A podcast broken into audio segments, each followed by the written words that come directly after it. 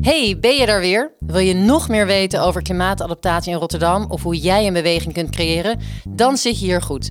Hier gaan Esther Barvoet en ik, Marjolein van Eijsten, dieper en breder in op een aantal onderwerpen uit de bijbehorende aflevering van de podcast Hoe creëer ik een beweging?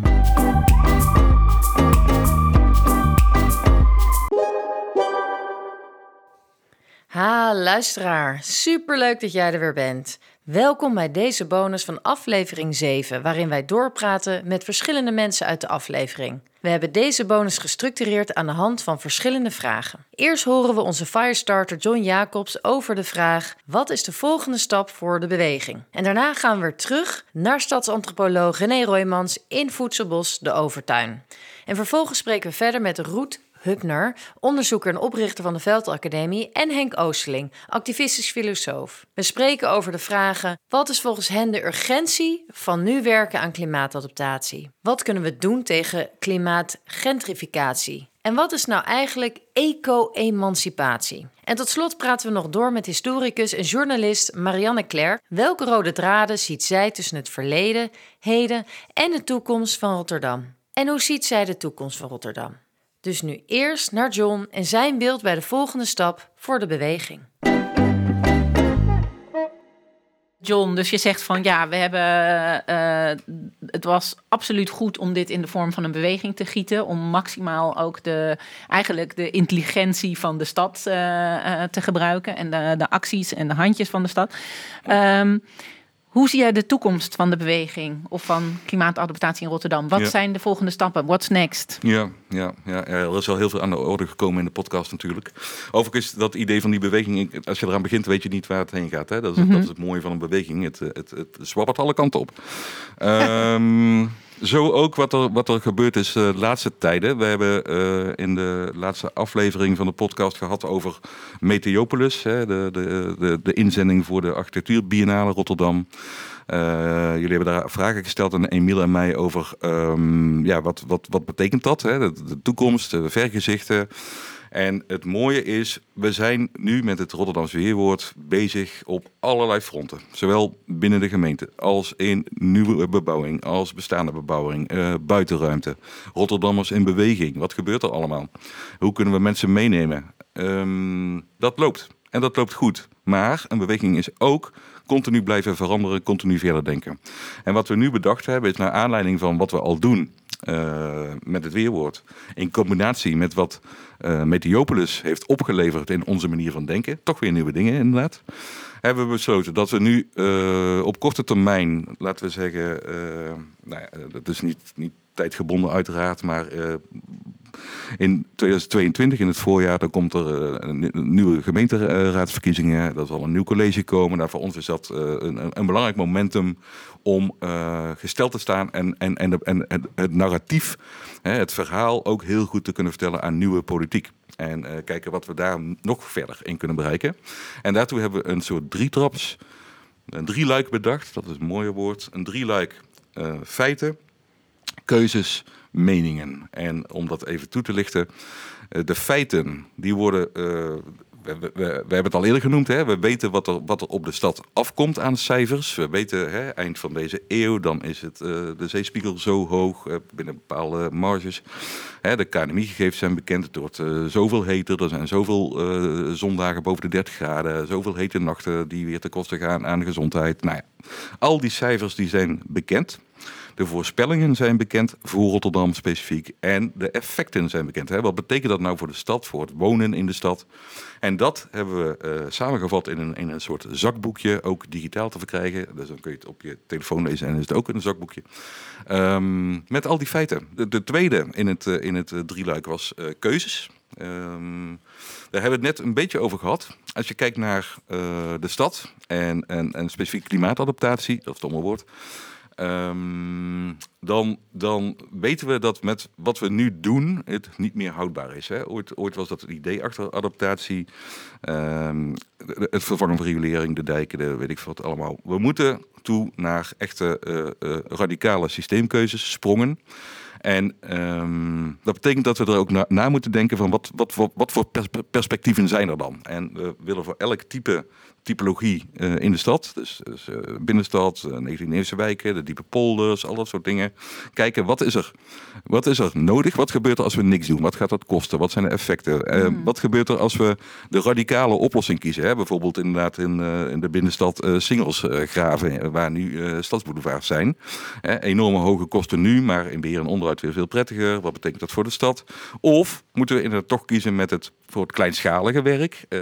kleinschalig op, op, op op nou ja, bijna acupunctuurniveau in de stad aan de slag. En overal klein maatwerk, maar dan ben je gewoon op heel veel plekken heel erg lang bezig. En dat kost weer heel veel aan beheer en onderhoud. Nou goed, dat gaat allemaal uitgewerkt worden in dat perspectievenboek, waar ook nog intermezzo's in staan. Interviews met mensen die ertoe doen, uh, met ideeën die uh, nieuwe opkomen, concepten die misschien aangewerkt wordt. En gaan dat jullie boek, dat boek aanbieden aan de politiek? Of ja, dat, uh, dat zal in ieder geval in het voorjaar van 2021 gereed zijn. En dat zal in ieder geval aan een deel van de politiek worden aangeboden. Want, want, het, want dit is de aanzet tot, tot gesprekken daarover. Zo'n zo radicale systeemkeuze, dat, dan weet je nu al dat dat is pas over 30, 40 jaar dat het daadwerkelijk uitgevoerd kan worden. Maar je moet er nu al over gaan nadenken en dingen gereed maken. Laatste stap, uh, is uh, in het drieluik is uh, meningen. En eigenlijk meningen is niet anders dan het gesprek met en van de stad. Hè, dat hebben we geleerd van Meteopolis. De waarde van de meningen van mensen is enorm belangrijk. Mensen hebben echt wel een idee hoe zij willen dat de stad er in de toekomst uitziet. En dan hebben we het met name niet alleen over klimaatadaptatie, maar ook sociaal-maatschappelijk, ook over gezondheid, ook over jouw leefomgeving, ook over gevoel van eigenaarschap of identiteit. Nou, noem het maar op. Het scala is heel breed. En dat willen we gaan onderzoeken. Daar hebben we al verschillende uh, dingen voor uitgezet. Hè. We hebben op de website krijgen we heel veel reacties. We hebben uh, bewonersonderzoeken laten doen. Uh, met, met, met, met ook ontmoetingen georganiseerd met allerlei mensen. En op dit moment hebben we een prijsvraag uitgezet waarbij we met drie specifieke doelgroepen, drie, drie organisaties hebben zich daarvoor opgeworpen.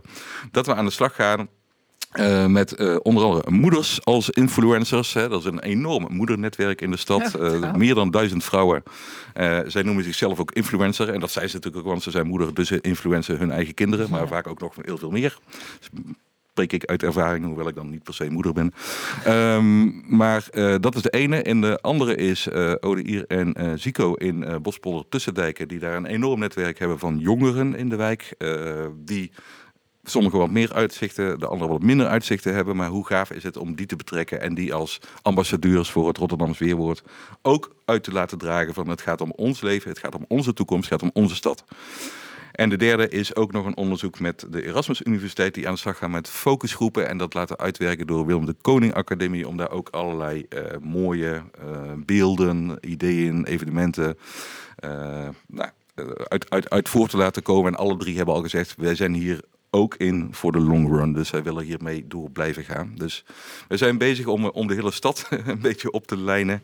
En ik denk dat dat uniek is in de wereld. En ik, ik vind het zelf echt onwijs gaaf om mee te maken. Dus ja, en volgend jaar gebeuren er weer nieuwe dingen. Dus er komen niet alleen hele mooie producten uit, wat ik hoorde, zakboekje, uh, koffietableboek, uh, maar ook heel veel gesprekken, heel veel contacten met uh, mensen. Dus eigenlijk wordt de beweging groter en groter. Ja, ja, ja, ja het is niet meer tegen te houden. We laten ons nu weer meenemen door René in het voedselbos en haar beeld bij de toekomst. Hoe, hoe zie je dat dan voor je? Komt er echt een netwerk van voedselbos uh, door Rotterdam? Nou, dat is er al. Dat is al aan het ontstaan. Dus dat is ja. eigenlijk heel mooi. En nou, een van de dingen wat ook wel heel leuk is, waar we nu op lopen, uh, dat is een onverhard pad. Ja. Uh, een beetje grindachtig en daarbuiten begint dan het groen. En ik denk dat dat wat je noemt van een netwerk van voedselbossen, ik denk dat sowieso de stad veel meer een, een, een, een netwerk van verbindingen uh, gaat worden, die op, ook weer op, die, op meerdere niveaus en schalen uh, ja, eigenlijk ervaren kunnen worden. Ik denk dat we nu veel te weinig onverharde wandelpaden hebben in de stad bijvoorbeeld. Ja. Die kleine verbindingen maken, waardoor het veel makkelijker wordt om even van de ene buurt naar de andere buurt over te steken. Um, en ik, ik zie dat wel zo voor me. Dat we dus meer van dit soort paadjes, uh, meer groen, wat, wat gebruikt kan worden door, door, door iedereen. Um, en die voedselbossen kunnen daar een rol in spelen. Dat dat grotere soort van knopen kunnen zijn waar je naartoe gaat. En gaan de Rotterdammers daar echt hun eten halen? Nou ja, kijk, hier ga je nog, eh, eh, nog weer een stapje verder natuurlijk naar... We hoeven niet alleen ons eh, soort van consumptiepatroon aan te passen... maar we moeten ook echt ons dieet aan gaan passen.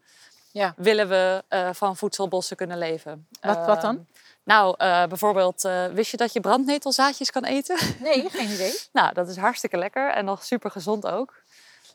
En dat is iets wat overal nu al voorradig is. Ja. En stel dat we allemaal, nou ja, brandnetelzaadjes zouden eten, dan zouden we al best wel veel eigenlijk kunnen halen uit onze dagelijkse omgeving, zeg maar de, de omgeving waar we dagelijks doorheen bewegen. Maar wat zou je daarmee doen met die brandnetelzaadjes? Wordt Je dat kunt een ze muesli roosteren, of, eh? je kunt ze eh, verwerken in jam of in eh, eh, andere eh, eh, smeersels. Je kunt ze ook gewoon zo eten. Eh, we kunnen zo wel een, eh, een zaadje proeven als je wil. Oh ja, leuk. Ja, zeker. Maar het, het- ja, ik noem het als voorbeeld omdat het ook gaat over de dingen die er nu al lang zijn in overvloed. Hè? Brandnetels zijn Ja. pioniers, die groeien overal. Ja. Vooral waar, eh, waar mensen eh wild plassen. Dus daar hebben we in de Ah. stad genoeg ruimte van. Maar die zaadjes hoef ik dan niet te Nee, precies. Nou, dat is dan misschien de plantjes die je niet wil. maar ik noem het maar als voorbeeld om te laten zien van het is er eigenlijk al. Ja. Uh, nou, hier komen we langs wat brandnetels. Kijken of hier dan net weer... Maar dat moet je ook maar kunnen, die zaadjes eruit. Nou, ik wist is niet eens dat ze zaadjes hebben. Was je... Ja, oh, die. Oh, die trosjes. Ja. De zaadtrosjes. Oh ja. Grappig. En die kan ik dan zo eten. Die kan je gewoon zo eten. Je kunt ze ook roosteren, maar dit is... eh, Ja. Best wel lekker, maar daar moet ik best wel veel van eten. Wil ik een beetje vol raken. Nou ja, en dat zou dus de... ja, ga er vooral op los. een beetje gerazend zo... eh, Ja. ehm, ja, door Maar de stadsomgeving. Is hartstikke... Nou ja, zaden zijn sowieso altijd een stuk geconcentreerder dan... Je kunt brandnetel, kun je bijna alles van eten natuurlijk. De bladeren zijn ook hartstikke gezond. Maar in het zaad zit veel meer geconcentreerd ehm, de, de, de voedingsstoffen. En ja, kijk, het interessante is dus... Als je iets direct van de plant eet... is het ook nog eens weer een stuk voedzamer... Ja. dan als wanneer je het eh, super verwerkt... en eh, al lang ingevroren en weer ontdooid... en eh, vanuit Ja. de supermarkt. Dus ik hoor jou zeggen, eigenlijk eh, veel eh, minder verhard terrein, veel Mhm. groener. Eh, eigenlijk klinkt het bijna alsof je zegt, de stad wordt een soort bos met hier en daar een gebouw. Ehm, nou ja, wat meer dan dat, maar in Ja. ieder geval wel een, bo- soort, een soort bos, een soort groen terrein met gebouwen.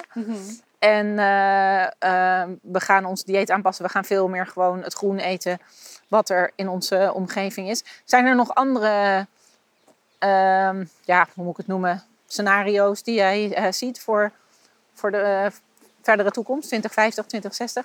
Ja, nou ja, ik denk natuurlijk dat een van de andere... eh, nu ga ik ervan uit dat er grond is in dit scenario wat ik net schets. Ja. Ehm, dat is natuurlijk een van de dingen die nogal hè, Ja, bevraagd zou kunnen worden. Sommige, Sommige scenario's, scenario's, eh, van het IAWR water- gingen ervan uit van eh, inderdaad, we laten de dijken bewust door, Ja. eh, eh, ste- of die steken we er bewust door. Nou, dan staan we nu toevallig eh, naast Duindoorn. oh ja? Eh, en ik denk dat het sowieso ook heel interessant kan zijn om. Ja, en het leuke is dus, dieren doen dit al. Duiven en, en vooral heel veel vogels zien de stad al, hebben dat ook nooit anders gezien, als een landschap. Ja. Duiven zijn klifdieren, dus die wonen op gebouwen. Die denken, wauw, wat, hebben deze, wat is dit geweldig. Ze hebben allemaal rotsen voor ons gemaakt, waar we op kunnen eh, eh, leven. Ehm, en ik denk als we de stad meer als landschap gaan zien, waar dus ook bijvoorbeeld hè, dat, dat getijden eh, leven, waar plaats zou kunnen vinden, waar je echt gaat leven met, oké, soms is het heel nat en dan moeten we onze laarzen aantrekken of moeten we met boten heen en weer. Ehm, ik woon nu op een zeilboot, dus daar heb ik al een soort van. eh, oh ja, jij bent op een zeilboot. In Rotterdam? In? Rotterdam, ja, in de Oh. Antropohaven. En daar eh, eh, ja, ben ik eigenlijk al een soort van aan het ervaren van Met de getijden te leven. hoe is dat Ja. om op en neer te gaan. En, eh. Maar wat wilde je nou over? Ja, Nou, ze gaan in je keel ja, zitten, hè? Die eh, zaadjes. Dat heb ik ook. Nou nee, we staan nu naast de duindoorn. Ja. En dat is natuurlijk een plant die we alleen maar uit de duinen kennen. Mhm. En eh, die geeft super goede zaadjes, of eh, besjes. De oranje besjes. Hij zat er, zit Ja. er nu niet aan, maar je kent ze waarschijnlijk wel uit de duinen. Maar dit zijn beestjes. Of zijn dat ook Nee, dit zijn een soort van kleine, eh, ja, wat zijn dit? Misschien wel de Goud. zaadjes of zo. Goud. Oh, mooi brons. Maar er zitten besjes aan Ja. en nou, die Ja. zijn mega. Het zijn een soort vitamine C-bommetjes. Nou, dit zijn dus planten die als je, stel je zegt, we laten de dijken door eh, prikken. Dan. eh, sorry. hoor. Dan komt deze weer terug. Dan komt deze. Nou ja, dan kun je dus andere planten die we al lang Ja. kennen en die we in Nederland al lang ook om ons heen hebben, die kun je dan introduceren in de stad. Ja. Dus wat mij betreft wordt de stad veel meer een landschap waar we allemaal, zeg maar, eh, eh, dat kennen we allemaal als we op vakantie gaan. Sowieso als je bergen hebt, zie je al meer landschap om je heen. En in Nederland missen we misschien ook een beetje dat gevoel dat we in een landschap leven omdat het, we kijken alleen maar tegen die andere gebouwen aan die je aan de overkant van de straat ziet. En grappig genoeg, eh, een van mijn andere projecten, Dakdorpen, daarvoor ben ik veel op daken. Ja. en daar ervaar je dus ook een soort van, nou ja, bijna een soort van licht overview effect. Dat je merkt van, wow, maar je ziet sowieso de vogels en andere insecten eh, eh, of andere dieren zoals insecten over de stad en door de stad heen bewegen. En de mensen ook als kleine mieren zo. Dus dan zie je het ook veel meer als een. eh, Ja, dan landschap. wordt het een landschap. En dan ben je daar onderdeel van en zie je ook even van... Oh jeetje, ja, hier moeten we inderdaad wel eigenlijk voor zorgen. Je ziet vooral hoe snel we allemaal heen en weer aan het Ja. bewegen zijn. En nog drukker dan de mieren zelf. We pakken nu het gesprek weer op met Roet Hupner, onderzoeker en oprichter van de Veldacademie, en Henk Oosterling, activistisch filosoof. We beginnen met deze vraag. Welke urgentie zien zij bij het werken aan klimaatadaptatie? Ja, Roet, we hebben net eh, al met elkaar gesproken in eh, het studiogesprek. En eh, jij haalde twee zaken aan wat jouw grote ontdekkingen zijn in het nadenken en werken aan de toekomst van Rotterdam. En het tweede punt voor jou was urgentie. Kan je daar nog iets meer over toelichten? Hoe zie jij die urgentie? Eh, ja, sorry, ik ben een beetje.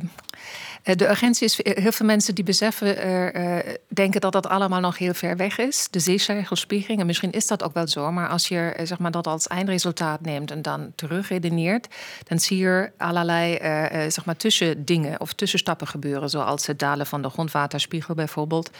Dus heel veel eh, eh, effecten van de klimaatverandering, die manifesteren, manifesteren zich veel vroeger dan wij denken.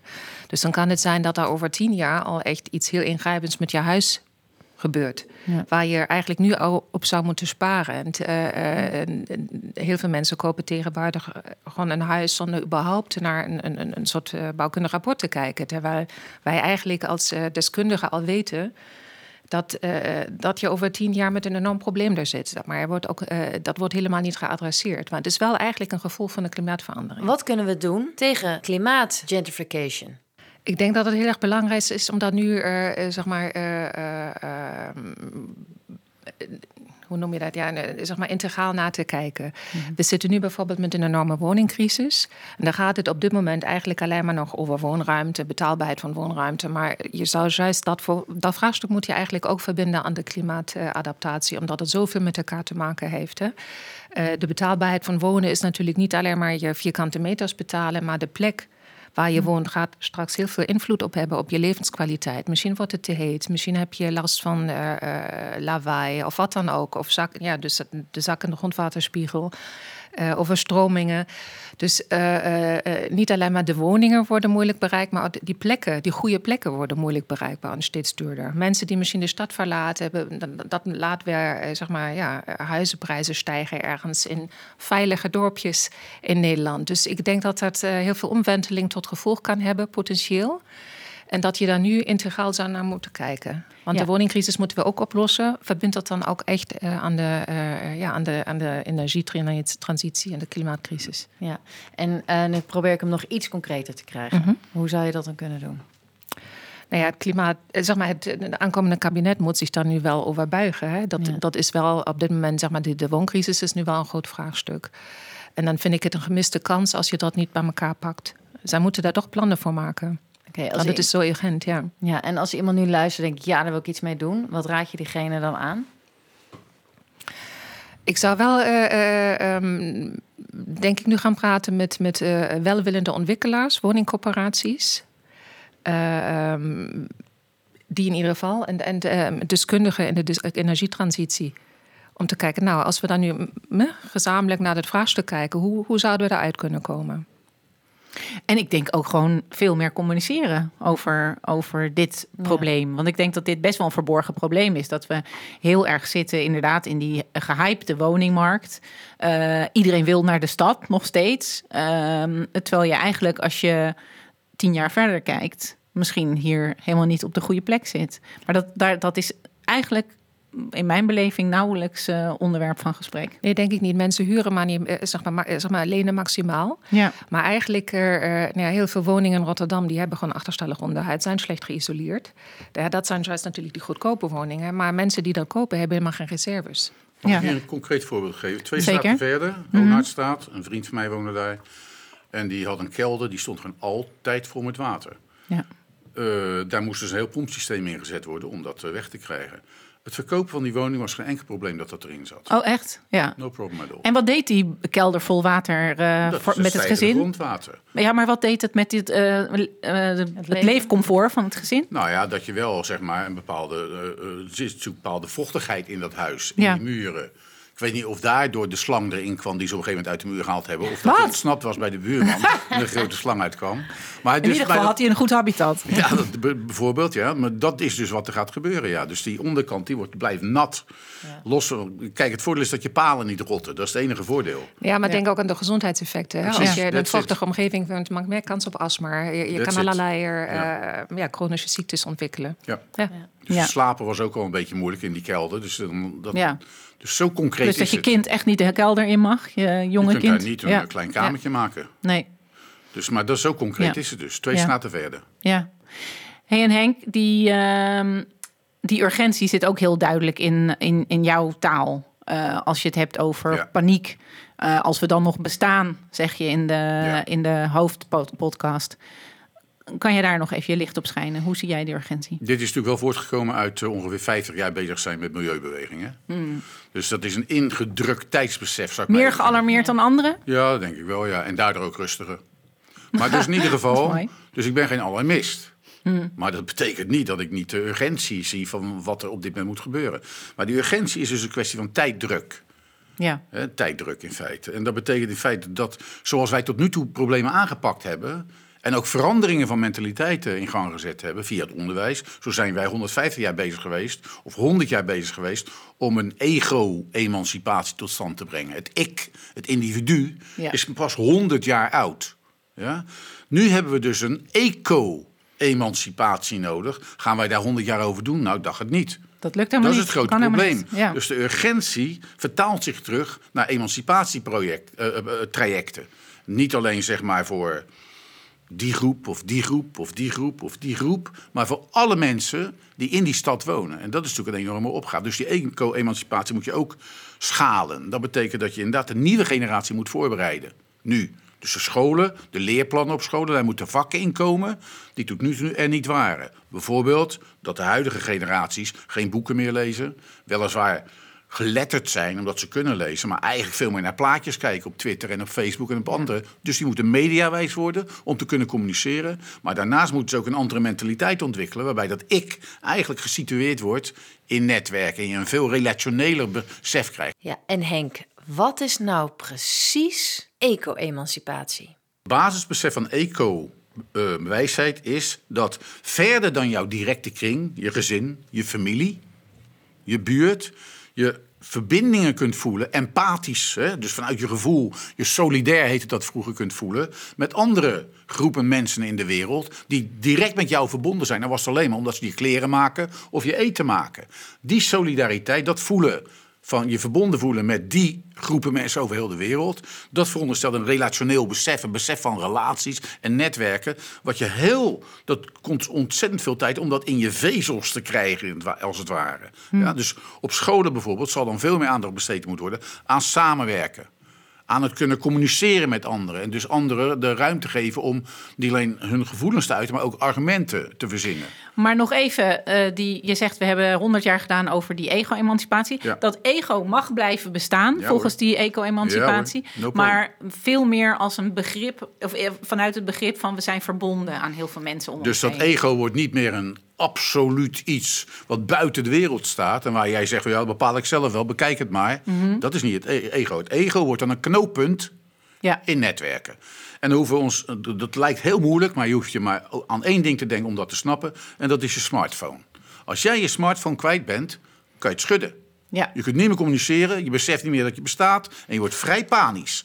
Dat besef van knooppuntachtige besef moet psychologisch in mijn ziel komen om een eco-bewustzijn te ontwikkelen en om eco-wijsheid te ontwikkelen. En eco, in dit woord eco-emancipatie, gaat dus niet zozeer over ecologisch in de zin van dat het eh, milieuvriendelijk moet zijn, maar eh, meer eco als je bent zelf onderdeel van een ecologie, van een dus hele als je verbinding. eco even terugbrengt naar waar dit ooit geboren Ja. werd, dat woord, is dat gewoon het Griekse oikos. Mhm. Dat zit ook een economie voor dat matter. Oikos, en dat betekent gewoon een huis. Wij moeten gewoon een ander huis vinden. We hebben het over gentrificatie gehad. Dat is de laagste fysieke schaal van de oikologie, van de ecologie. Dat is mijn huis. Maar die planeet is de immense schaal waarop wij nu moeten kunnen denken om ons huis zeg maar, te kunnen denken. De slag van mijn palen verrotten onder mijn huis. Of ik kan moet een warmtepomp betalen voor 30.000 euro. Ja? Die schaal die moeten wij kunnen verbinden aan die immense schaal van het klimaat en de klimaatadaptatie. En die, die vorming die moet onderdeel worden van het onderwijs. En dat zijn de onderwijsprojecten die wij nu al 12 jaar in Zuid doen. Waarbij in het curriculum zes vakken gegeven worden waar eco-wijsheid en mediawijsheid centraal staan. Jij zegt dat even heel snel, wij op Zuid. Wat bedoel je dan? Rotterdam Vakmanstad is een organisatie die we opgezet hebben. En waarbij wij met scholen samenwerken om een nieuw vakmanschap ont- te ontwikkelen. Want let wel, we gaan over, over tien jaar banen hebben waar we geen benul van hebben op dit moment.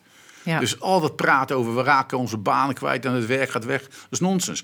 Maar het ergste is dat we op dit moment op de, op de MBO's dat nog helemaal niet voorbereiden. Omdat we nog oude skills ontwikkelen van een analoge tijd, een 20ste eeuw. Die allemaal verdwijnen, die banen. En wat zijn, kan je een voorbeeld geven van die banen waar we nog geen beeld van hebben? Nou, we kunnen beginnen met dat eh, een energietransitie vergt allemaal mensen die met dit soort dingen bezig zijn. Met zonnepanelen, met zeg maar warmtepompen, met windmolens, met infrastructuur. Ik hoop dat ze nou eens een keer die dakpannen met zonnecellen erop gaan leggen. Dus er is genoeg te werken. Echt, genoeg.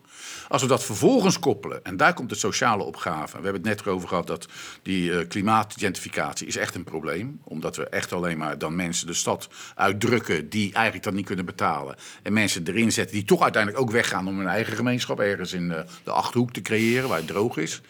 Dat, dat die hele urbanisatie in feite, daar, daar, daar moet je mensen in mee gaan nemen. En op de een of andere manier moeten die mensen gefaciliteerd worden op basisbehoeften. Ik ben een groot voorstander van een gegarandeerde basisinkomen. Op het moment dat je dat doet, heb je een basis erin gelegd waardoor iedereen, zeg maar in ieder geval, zich geen zorgen hoeft te maken over zijn zorg, over zijn onderwijs en een bepaalde culturele zeg maar, pakket. Nou, dat is wat bij klimaat, gentrificatie, zeg maar, volledig ontbreekt. Ja. En als dat er nog onder zou gelegd zou worden, zou dat misschien wel eens een hele andere kant op kunnen gaan. Als we niet meer bezig zijn met eh, dagdagelijks overleven, dan kunnen we onze ogen en openen en onze handen uitsteken voor wat er Dat allemaal heeft ooit nodig iemand, is. een goede econoom heeft dat bullshitbanen genoemd. Nou, er Ja. zijn een heleboel bullshitbanen. Ja. En mensen dus die zel- ja, zouden willen dat ze een baan hadden, maar aan het overleven zijn. Ja, aan het overleven zijn. En dat moet eigenlijk niet kunnen. Kijk, in Amerika is nu eigenlijk het incidenteel ingevoerd. Iedereen krijgt die check van 1000 dollar zo'n Ja. beetje. Dus er is eigenlijk een feitelijk bazaal inkomen. Dat wordt wel weer opgeschort en weggenomen op het moment dat ze denken dat het weer goed gaat. Maar dat idee ja, is natuurlijk, dat bestaat al heel lang, dat gegarandeerd basisinkomen. Dat is een, een idee wat al twee eeuwen in onze cultuur zit. En het wordt nu al tijd dat we daar economisch wat handen en voeten aan gaan geven. Ja. Hoe zie jij dat, eh Roet? Het zou kunnen. Ik, ik denk dat het, ja, er zijn wel eh, een, een aantal experimenten hè, met, met basisinkomen waar dat goed zou kunnen werken. Eh, ik weet niet hoe dat op grote schaal uitpakt. Eh, ik voorzie dan soms ook een beetje, ja, ehm, zeg maar, heel veel, ik voorzie heel veel weerstand en misschien Dat dat, sowieso, dat, ja. het ook dan weer nou ja, politieke partijen in de hand speelt die, die ook niet heel erg nuttig zijn voor het vooruitkomen in de klimaat en het klimaatvraagstuk. Dat is het ook. En Ja. soms denk ik ook altijd het klimaat, eh, ja, het basisinkomen, wat is dat dan anders dan een. Het is wel natuurlijk iets anders dan een uitkering. Ja, tuurlijk. Maar ik, eh, als ik naar mezelf zou kijken, als ik nu een basisinkomen zou krijgen, ga ik dan minder werken? Ik denk het niet. Nee, dat is Nee, ook maar de dat is ook niet bedoeling. het idee geld dat moet je- wel verdiend Ja, worden natuurlijk ja. voor dat basisinkomen. Volgens mij is het niet de Dat moet- bedoeling dat je minder gaat werken, Nee. maar dat je je handen vrij hebt om dat je die dingen wat gaat doen die je kunt. dat Precies. doet, eh, dat is het gaat idee. doen. Dat Ja. is het idee. Ja, maar ik had er alsnog geen uren over. Dat is meer wat ik, eh, wat ik bedoel. Ja. Eh, dat kan ook, maar nee, maar waarschijnlijk ben je al hele relevante dingen aan het doen.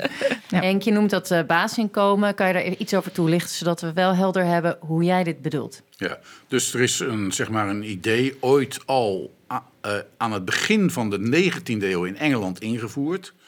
Dat om mensen tevreden te houden, want ze waren bang dat de, dat de Franse revolutie over zou slaan, ze een bepaalde inkomsten moesten hebben, zodat ze niet ontevreden werden. Toen is dat begonnen. En het basisinkomen is dus eigenlijk een bepaald bedrag wat iedereen elke maand krijgt vanaf het moment dat hij geboren wordt, totdat hij sterft. En dat kan variëren tot de 18e tot een bedrag van 500 en dan na je 18e 1500. Maar het punt is natuurlijk dat dat mensen ontslaat van allerlei dingen te doen om te surviven. De zorg is dan afgedekt, onderwijs afgedekt, cultuur is afgedekt. Eh, en op dat moment kunnen ze kiezen om hun potenties anders te ontwikkelen. Dus hun mogelijkheden kunnen ze dan veel creatiever inzetten. En de achterliggende gedachte is, maar dat gaat natuurlijk over het mensbeeld wat erachter zit. Dus er gaan ervan uit dat mensen dan echt gewoon gaan zoeken naar wat ze wel goed kunnen en willen. En, dat idee, en daar wordt het geld verdiend wat later weer teruggepompt wordt om dat basisinkomen te kunnen uitkeren. Ze hebben het één keer berekend. Je hebt voor België had je te 29 miljard nodig. Als je dan alle instituties weggooit. Je hebt geen pensioenfondsen meer. Je hebt geen sociale werkers meer die jouw werk en inkomen voor een baan moeten zorgen. Als je die allemaal weg- wegschrapt, nee 25 miljard was nodig. Toen ze het allemaal weggeschrapt hadden, hadden ze 29 miljard.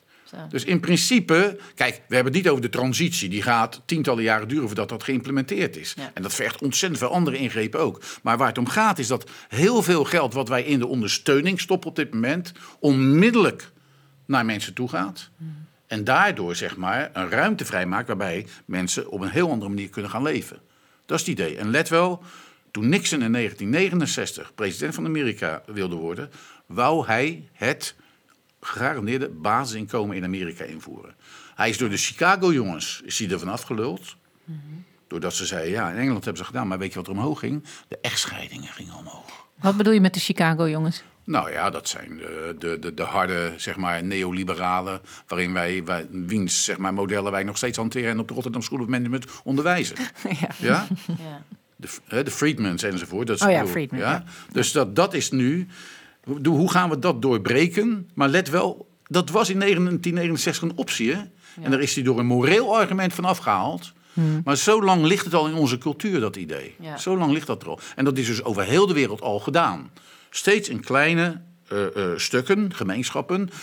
Eh, Zwitserland heeft een paar jaar geleden met een minimaal verschil het net niet ervoor gekozen om het in te voeren. Finland zit er ook tegenaan helemaal. Dus dat is niet zomaar iets wat iemand bedacht heeft, maar echt iets wat in die cultuur vanaf het begin van de 19e eeuw heeft geleefd. En ik denk dat wij in de 21e eeuw aan toe zijn. Ja. ja. Ik ben benieuwd, Henk. Ja. Mooi, ik hoop het. Dank jullie wel, heel hartelijk dank. Oké, tot je dienst. En dan het slot van deze aflevering waar we kijken naar de toekomst van Rotterdam. Zoals gezegd doen we dat met historicus en journalist Marianne Klerk. Esther stelt haar de vraag: welke rode draden ziet zij tussen het verleden, heden en de toekomst in Rotterdam? voor weerwoord merkte ik heel erg dat, en dat, is, eh, dat wordt natuurlijk door velen gebezigd. Wanneer we het hebben over klimaatadaptatie, hebben we het over stedenbouw en hebben we het over sociaal beleid. Die drie zijn, dat is gewoon een drie-eenheid. Dus als ik kijk bijvoorbeeld naar die wederopbouwplannen, prachtige plannen hoor. En plannen die ook in die tijd, zo'n zesbaan snelweg, stond helemaal, helemaal legitiem. Maar vergeet niet uit het oog de mens. Vergeet niet het sociale beleid. Vergeet niet uit het oog de negatieve gevolgen eh, voor klimaat, voor milieu. Dat zou ik naar nu willen trekken. Dus als we nu deze nieuwe stad opbangen met die woontorens. Hè, we zien de kranen hier aan het werk gaan. Hou alsjeblieft in het oog de mens en de vele mensen die Rotterdam kent. En hou ook in het oog wat dat voor het klimaat betekent. Leuk hoor, groene daken en leuk een groen hofplein. Maar is dat voor iedereen zo? En dat is een vraag die steeds terugkwam, denk ik, bij Weerwoord. Voor wie bouwen we? Voor wie maken we de staat klimaatadaptief? Dus, hè, en dan heb, krijg je te maken met klimaatongelijkheid. En dat is voor Weerwoord, denk ik, iets wat belangrijk is. En iets ook wat we terugzien in het verleden steeds weer, keer op keer. Dat is de grote uitdaging. Ik denk dat dat een grote uitdaging is, ja. ja. vooral in een stad die nu expliciet bouwt eh, voor bemiddelde mensen, ja. Ja. En hoe zie jij eh, de toekomst van Rotterdam? Mm, Tja, hopen is geloven. Dus als je me vraagt wat hoop ik voor eh, Rotterdam, dan hoop ik eh, dat het een stad is die meer gaat terugkijken. Iets meer pas op de plaats. Gaat terugkijken in bezinning, in reflectie, waar ze vandaan komt. De vele gezichten die ze heeft. Eh, en maar soms ben ik wel eens bang, vrees ik wel eens, eh, eh, dat we maar doorrazen en doorrazen en doorrazen. En dat we daardoor heel veel mensen uit het oog verliezen. Sorry, ik wil niet op een negatieve noot eindigen. Nee, maar dit, dit, is, dit is een mooie reflectie. Dus heel hartelijk dank, Marianne. Dat was het weer voor deze bonus. Zoals ik al zei, super tof dat je hebt geluisterd. Wij zijn nieuwsgierig naar wat jou beweegt om naar onze podcast te luisteren. Laat het ons weten. Wij vinden het leuk om van jou te horen. Dus als je vragen hebt, je vindt ons via de socials en die staan hier in de tekst bij de bonus. Bye bye, tot de volgende.